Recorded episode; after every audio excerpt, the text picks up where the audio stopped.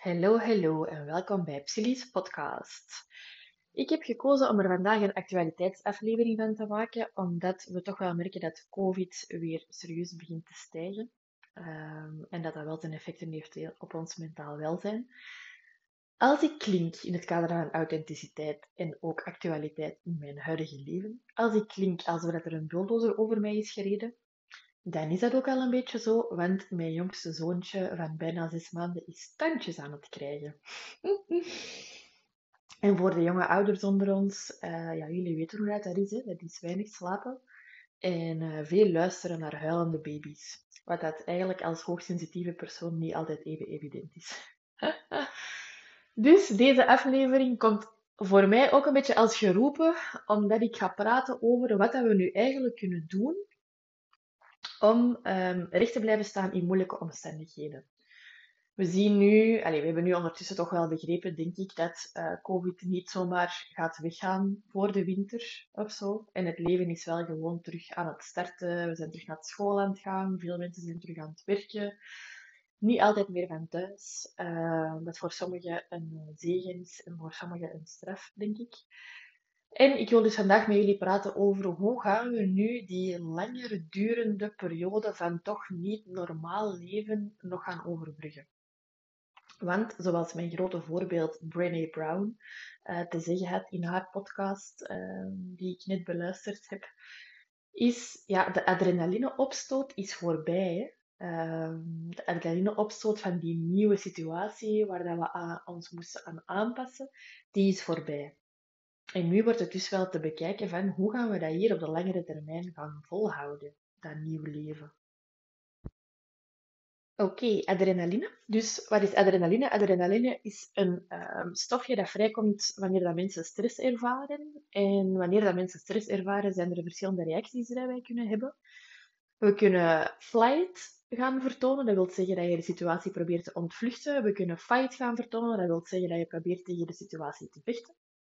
We kunnen freeze gaan vertonen. Dat wil zeggen dat je eigenlijk niet meer kan handelen, dat je gewoon uh, bevriest.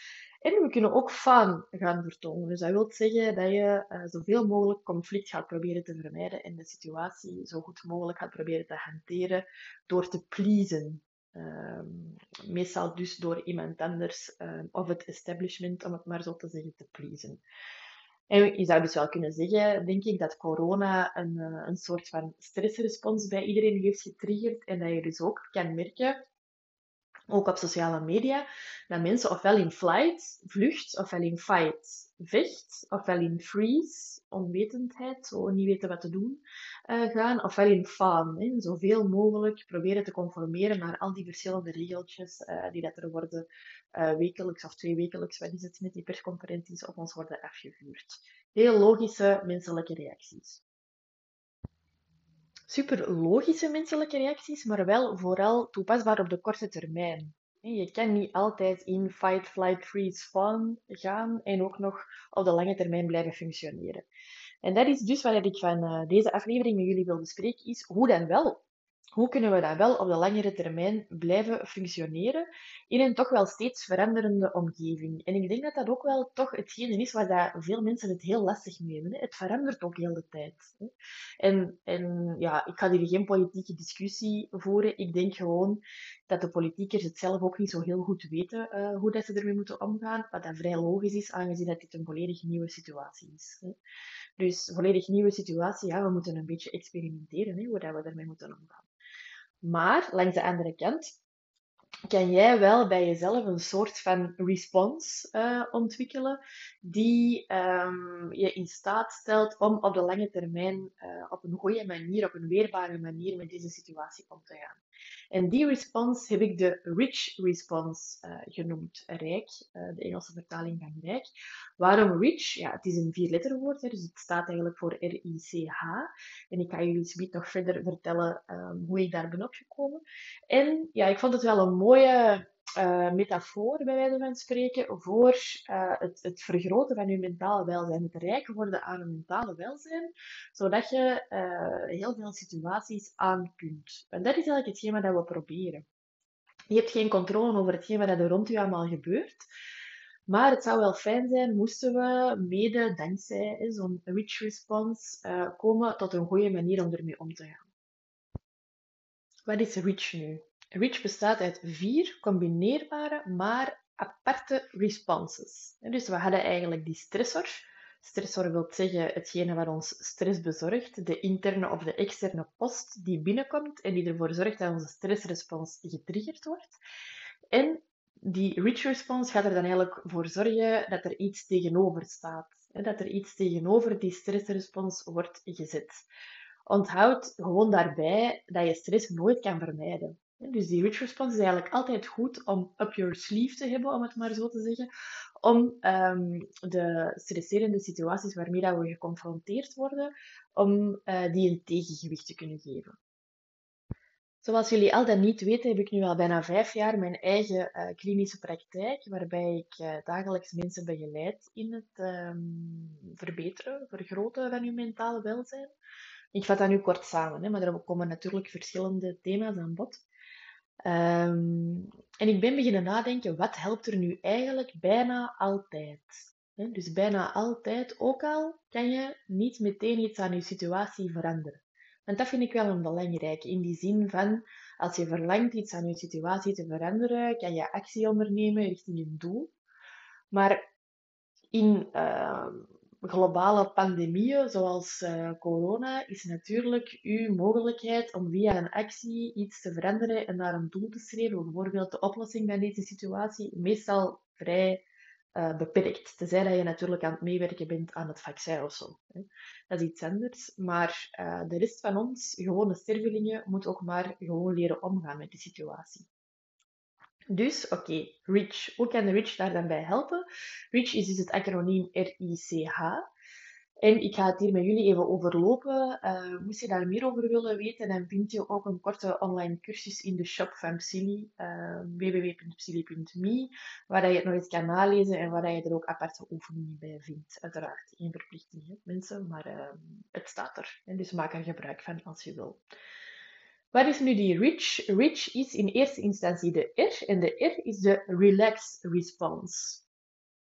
Ik kan het eigenlijk niet genoeg zeggen, geen enkel levend organisme, en zelfs de meeste niet-levende eigenlijk ook, staan continu aan. En je kan zeggen relax, recharge, reload, wat je maar wil, maar zorg er gewoon voor dat je batterij terug opgeladen wordt. Belangrijk hierbij misschien, en dan uh, gaan we meteen ook over naar de I. En de I-response wil eigenlijk zeggen dat je gaat luisteren naar jezelf. Wat heb jij nodig? Niet uw man of uw vrouw, niet uw kinderen, niet de kat, de hond, uw moeder, uw schoonmoeder, uw vader, uw baas, uw klanten, uw vriendinnen, etc., etc., etc. Maar jij, dus I. Je kan die twee ook even uh, samennemen in die zin van wat heb jij nodig om te relaxen of te reloaden? En houd er dan ook rekening mee dat dat voor verschillende mensen verschillende dingen zijn. Ben je meer introvert, ja, dan heb je meer nood aan gewoon even op je te zijn om een situatie te managen. Zijn je meer extravert, dan heb je meer sociaal contact nodig om te gaan herladen. En heel vaak binnen koppels, koppels die dan nu tijdens de coronacrisis vooral op, elkaar zijn aangewezen, is het dus zo dat de ene wel meer extravert is en de andere meer introvert, want tegengestelde trekken elkaar dan aan. Je kent dat wel. Um, dus hou er ook rekening mee dat de mensen die in hun naaste omgeving misschien ook wel andere dingen nodig hebben om te relaxen of te reloaden of te rechargen dan jijzelf en omgekeerd. Oké, dus van de Rich hebben we er nu al twee kort besproken. De relax response, dus zie dat je herlaat, dat je batterij terug opgeladen wordt. En de I response, luister naar jezelf. Wat heb jij nodig? En dan hebben we nog de C en de H. En de C is de combust response. Ik vond geen beter woord in het Engels, maar combust wordt eigenlijk zoveel zeggen, wil eigenlijk zoveel zeggen als verbrand. Dus je weet, met die stressrespons wordt die adrenaline en die cortisol die wordt geproduceerd. Adrenaline voor de korte termijn um, fight, flight, freeze uh, response. En cortisol om eigenlijk te kunnen volhouden. Hè, dus op langere termijn. En die stressstofjes die stapelen zich eigenlijk op in je systeem. Waardoor dat die op den duur echt een negatieve uh, uitwerking gaat hebben. Ik ga hier niet te veel in details gaan. Je kunt daar heel veel over opzoeken. Er bestaan heel veel goede boeken over. Um, over wat dat de stressrespons allemaal met ons doet. Bijvoorbeeld Dick Swaap is zo iemand die dat daar veel over geschreven heeft. Um, maar soms merk ik dus dat relaxen niet altijd voldoende is. Soms is het echt nodig om op een bewuste manier plankjes te geven en dus die stressstofjes die zich hebben opgestapeld um, te gaan verbranden. Combust, de C van Rich. Ga sporten, brul die goed mee met je favoriete muziek in een douche of in de auto. Scheur alle oud papier in de papiermand kapot. Stofzuig alsof je leven ervan afhangt of haal een boksbal in huis. Maar in ieder geval, zorg ervoor dat je hartslag iets goed in de hoogte gaat. Je gaat dan allemaal soorten van herstelstofjes krijgen, die dat bijvoorbeeld ook na het lopen um, komen, zoals endorfine is daar een voorbeeldje van. Alweer, ik kan niet in detail gaan, want daar hebben jullie waarschijnlijk geen behoefte aan. Je kunt dat allemaal gaan opzoeken. Hè. Maar dus door die combust response te gebruiken, door echt iets goed te gaan verbranden, maar op een bewuste manier. Dus niet uit je sloffen te schieten, maar echt op een bewuste manier gaan verbranden, gaat het ervoor zorgen dat je systeem de juiste stofjes gaat produceren, je lichaam en je geest, de juiste stofjes gaat produceren om te herstellen. En dan hebben we de, de allerlaatste. En um, het is een beetje een tegenstrijdige boodschap dat ik hier geef, want het is de H en de H heb ik gebruikt als in hug. Nu, hug is natuurlijk niet zo vanzelfsprekend in deze COVID-tijden, maar we hebben meestal wel onze bubbel waar we op kunnen rekenen om ons toch nog eens te omhelzen, om ons te koesteren, om ons te liefkozen. En dat is eigenlijk wat dat hug wil zeggen. Omhelzen, koesteren en liefkozen.